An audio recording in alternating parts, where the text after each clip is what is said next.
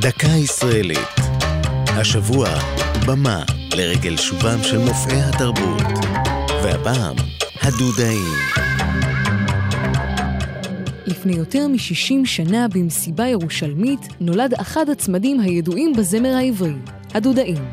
בני אמדורסקי בעל קול הבריטון וישראל גוריון בעל קול הטנור פרצו שם בשירה ספונטנית משותפת לצלילי נגינת גיטרה. מאז שיתף הזוג פעולה במשך כ-35 שנה. השניים ביקשו לעצמם שם שיזכיר את היותם צמד, דו, ובחרו בדודאים, צמח ריחני המוזכר בספר בראשית וגם בשיר השירים. כעבור שנה פרסמו את הלהיט הראשון שלהם, ערב של שושנים. שיריהם הושפעו בין השאר ממוזיקת עם אמריקנית, בלדות איריות ושירים ספרדיים.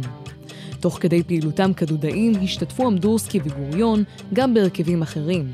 למשל, הטוב הרע והנערה עם הזמרת ג'וזי כץ, וגלגולה השני של שלישיית גשר הירקון עם אריק איינשטיין.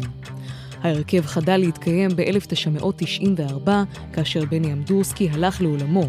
אך לפני כעשור חבר ישראל גוריון לבנו של בני, המוזיקאי אסף אמדורסקי, לסדרת הופעות שבהן שרו את שירי הדודאים.